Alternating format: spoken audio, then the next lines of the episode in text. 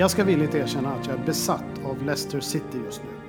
Ett lag som genom historien åkt upp och ned mellan högsta och näst högsta divisionen utan att vara nära en ligatitel eller att utföra stordåd större än ligacupen och final i FA-cupen.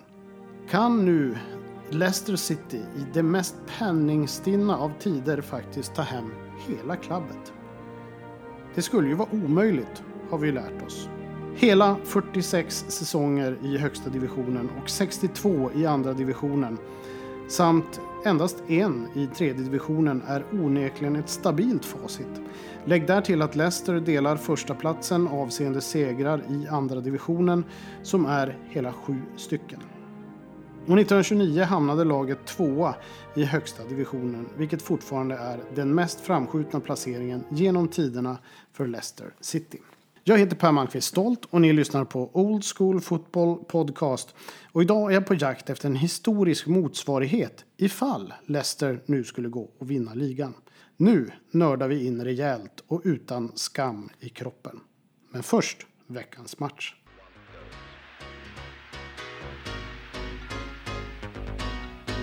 You got to hold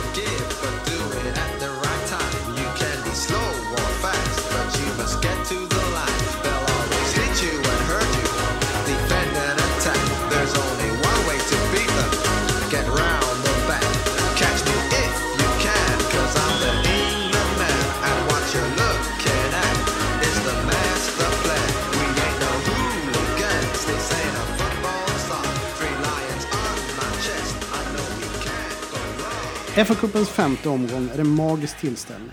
För en gammal fotbollsnostalgiker är det nu det börjar. Frenesin.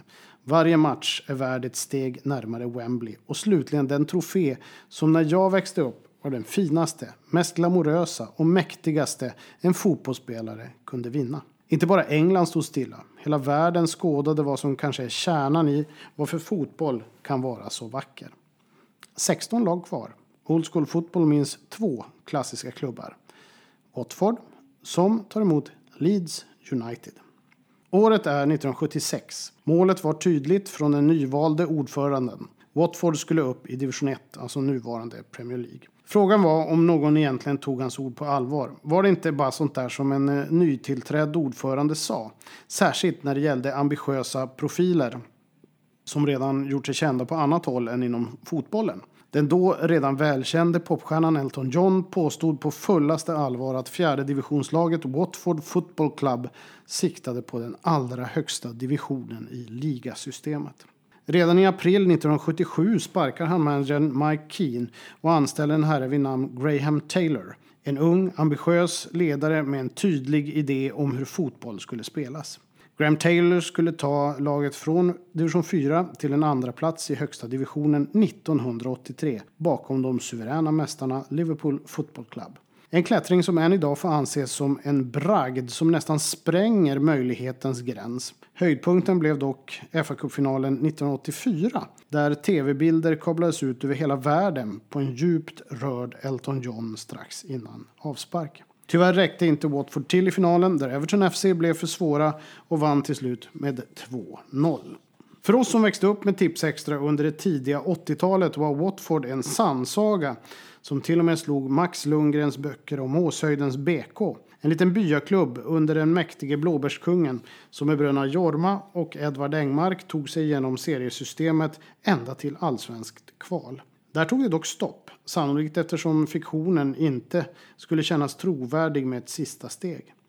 Men så kom Watford och Swansea faktiskt ungefär i samma veva, men det är en annan historia. Och Watford visade att fiktionen gick att överträffa.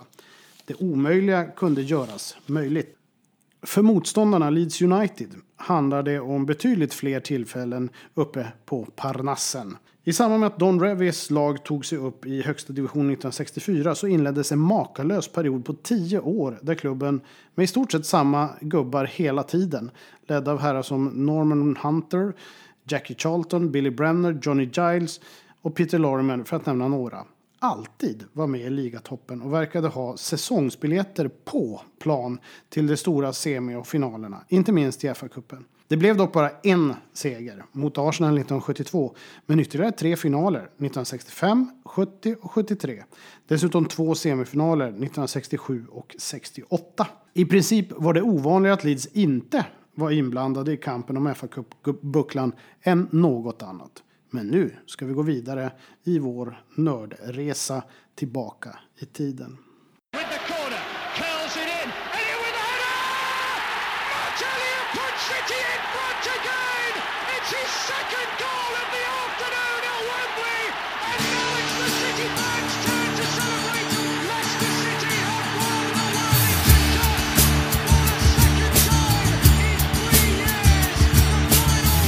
Jag antar att jag haft lite tråkigt i veckan då jag ägnat mig åt att gå igenom alla ligasegrar sedan starten säsongen 1888-89 i ett enda syfte. Att fundera över ifall Leicester City tar hem pokalen i år. Är det den största skrällen någonsin?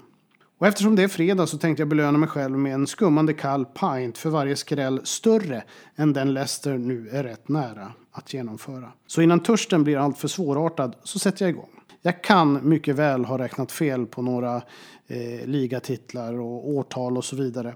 Det, det är nämligen så att jag inte gjort det här i någon Excel-fil utan jag har helt enkelt bläddrat i böcker och eh, eh, räknat okulärt om man säger så. Jag har också helt självsvådligt delat in ligaskrällarnas historia i fem epoker. Epok nummer ett. Från start till krig, alltså från 1888-89 till säsongen 1914-1915. Då ligan tog uppehåll för första världskriget som bröt ut 1914. Och tyvärr så började det ganska så torrlagt för min del måste jag säga. Storlaget Preston North End startar med att ta the double, det vill säga kuppen och ligan. Eh, det vinner även nästföljande säsong ligan. Och under tiden fram till första världskriget är det tyvärr rätt fritt från skrällar. Storlaget Aston Villa tar hem sex titlar, Sunderland 5, Newcastle 3, Everton, eh, The Wednesday, Manchester United, Preston och Blackburn tar två vardera medan Sheffield United plockar hem en titel. Och ingen av de här är några riktiga skrällar egentligen ska man erkänna. Möjligtvis det närmaste vi kan komma skrällar är väl Liverpools andra titel. Eh, när det efter första pokalen 1901 lyckades med bedriften att åka ur 1904 men vann tvåan direkt och plockade sedan hem ligan på en gång 1906. Även Manchester United kom från ingenstans och tog sin första titel 1908 efter att ha blivit uppflyttade så sent som 1906. Det skulle dock vinna ligan igen 1911 och dessutom ta en FA-cuptitel. Så det hade ju ett bra lag på gång och det här var nog deras första storhetstid. Eh, tills dess att Matt Busby tog över och gjorde de stora igen på 50 och 60-talet. Epok nummer två, mellankrigstiden, alltså från 1919-20 till 1938-39 då andra världskriget bröt ut. Arsenal tog under 30-talet hela fem ligatitlar under deras första stora era där skaparen var den första kan vi nog kalla moderna managern Herbert Chapman som före The Gunners även byggt eh, upp Huddersfield Town som dominerade 20-talet med sina tre titlar. Everton fick ihop tre ligasegrar under 20 och 30-talet. Sheffield Wednesday och eh, Liverpool 2. West Bromwich, Burnley, Newcastle, Sunderland och Manchester City skrapade ihop till en titel vardera. West Bromwich Albions ligaseger första säsongen efter första världskriget, det vill säga säsongen eh, 1919-20, ser dock lite intressant ut. Men å andra sidan vann det division 2 1911 och hade dessutom hela sex FA-cupfinaler bakom sig sedan 1889 och den, den då senaste 1912. Så någon jätteskräll kunde det väl knappast röra sig om, men kanske lite grann. The Wednesday, eller senare Sheffield Wednesday, halvskrällde lite när, eh, i och med att de tog sig upp 1926 efter flertalet år i andra divisionen och vann ligan 1929. Men å andra sidan var det ett klassiskt lag och det vann dessutom ligan två år på raken. 1928 vinner Everton ligan med ett fantastiskt lag och den store stjärncentern Dick Sedin avslutar säsongen med ett hattrick mot Arsenal vilket innebär att han når ett rekord som aldrig kommer att slås på 60 mål på en och samma ligasäsong. Men 1930 hamnade Toffees sist i högsta divisionen och åker ur för första gången någonsin.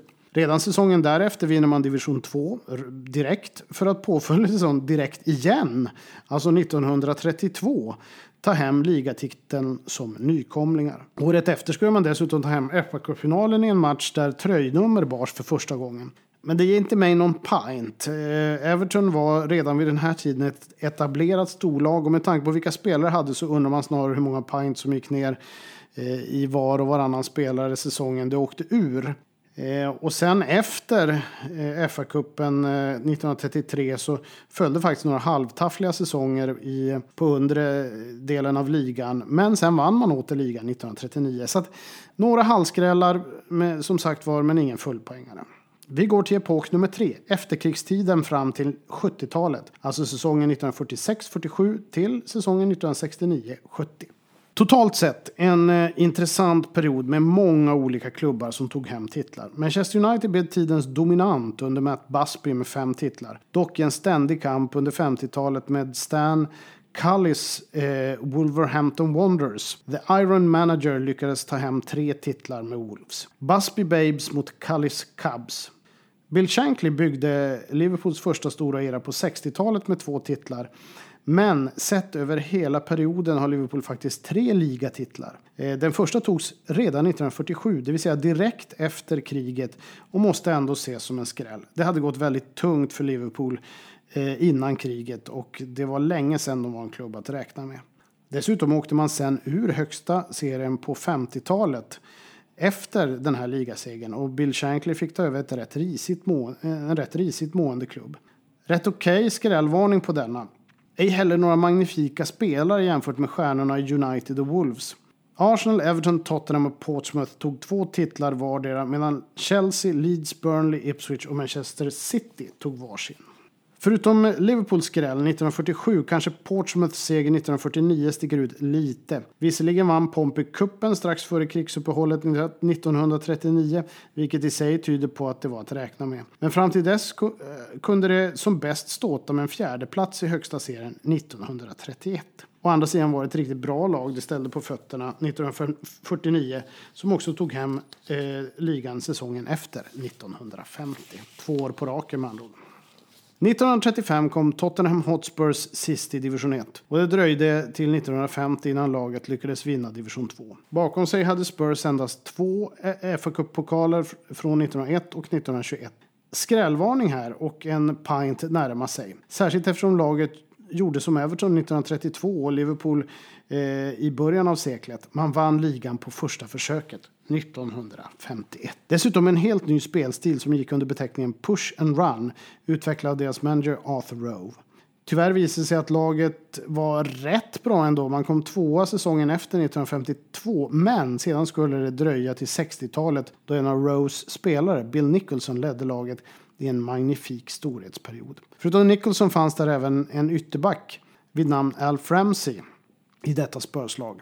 Behåll det namnet på minnet. Värt att notera också att Spurs fram till denna tidpunkt som bäst hamnat trea i ligan 1934 och var, likt Leicester i modern tid, ett jojo-lag mellan division 2 och division 1.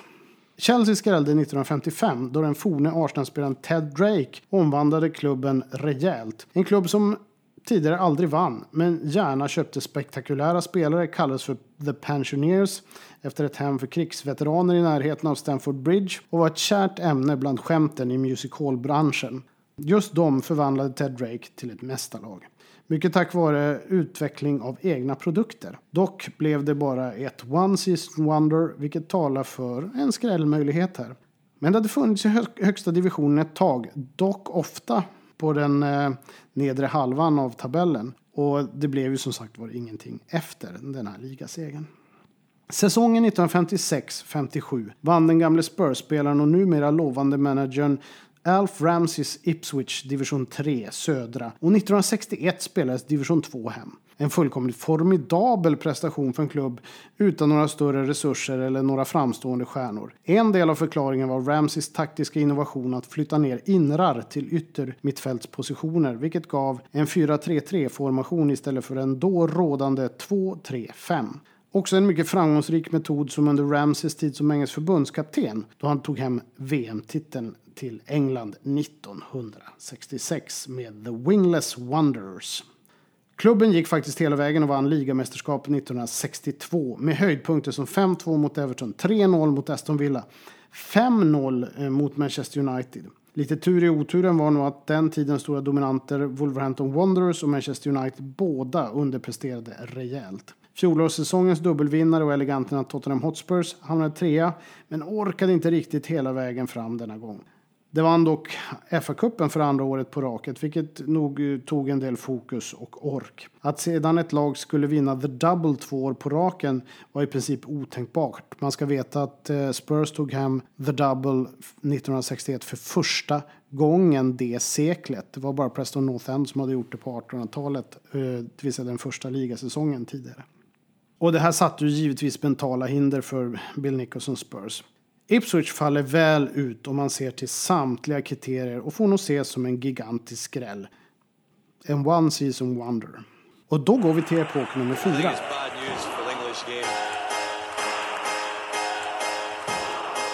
We're not creative enough, and we're not positive It's enough. coming home, it's coming home, it's coming, football's coming home. We'll go on It's getting back, it's on getting back, it's coming, getting back, it's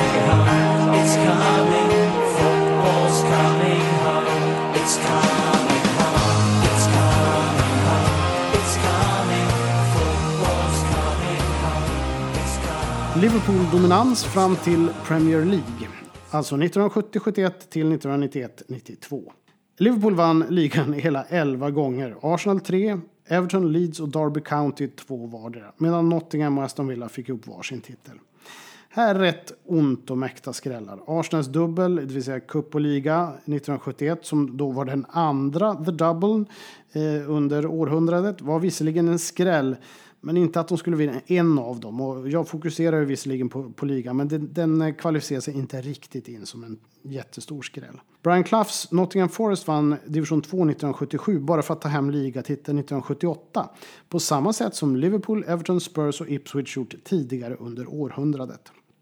Nottingham nöjde sig dock inte med ligatiteln utan tog även hem Europacupen två år på raken, två ligacuper och ytterligare en final. Och det lag Klaff samlat ihop var riktigt vast redan i tvåan faktiskt. Det kryllade av blivande storspelare, lite på samma sätt eh, gick det när samme Klaff tog upp Derby County från division 2 1969 för att ta hem ligan redan 1972. Även här byggde han ett riktigt bra lag med flertalet storspelare. Dessutom blev eh, det ytterligare en ligatitel 1975 för Derby County, dock under managern Dave Mackay. Everton och Arsenal byggde också storlag, vilka tog hem flera flertalet titlar under den här perioden, inte minst eh, ligatitlar då, men, men även andra. Dock inga skrällar direkt, även om det i viss mån överskuggades av Liverpools nästan överjordiska framgångar. Man kan också höja ett ögonbryn för Aston Villas seger 1981. Laget byggdes rätt målmedvetet av managern Ron Saunders efter uppflyttningen till ettan 1974. Titeln togs efter flera säsonger på ligans övre halva och avrundades med Europacupen 1982. Därefter föll dock allt isär. Så de har nog lite grann att komma med på skrällsidan. Dessutom var det väl ingen som trodde på dem. De flesta trodde på Ipswich eller på Liverpool den säsongen. Leeds Uniteds ligaseger 1992 är också en liten saga. Upp från division 2 1990, fyra i högsta ligan 1991 och ligatitel 1992. Sen gick det sämre under ett antal år och managern Howard Wilkinson fick till slut sparken. Men däremot hade man samlat ihop till ett rätt unikt lag med flertalet storspelare just det här året. Eh, man minns ju framförallt mittfältet med Gordon Strachan till höger, Gary McAllister och David Batty i mitten, Gary Speed till vänster och så inte minst Erik Cantona längst fram. Och då är vi i epok nummer fem. Premier League. Ja, med tanke på att Manchester United har 13 titlar, Chelsea 4, Arsenal 3, Manchester City 2 och Blackburn 1 så är det inte så mycket ord om. Egentligen inga skrällar alls.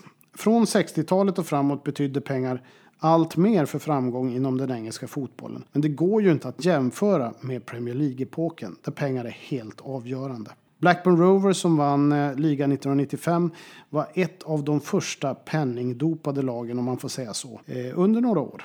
Efter uppflyttning från, två, från tvåan 1992 satsades det friskt och 1993 hamnade laget fyra.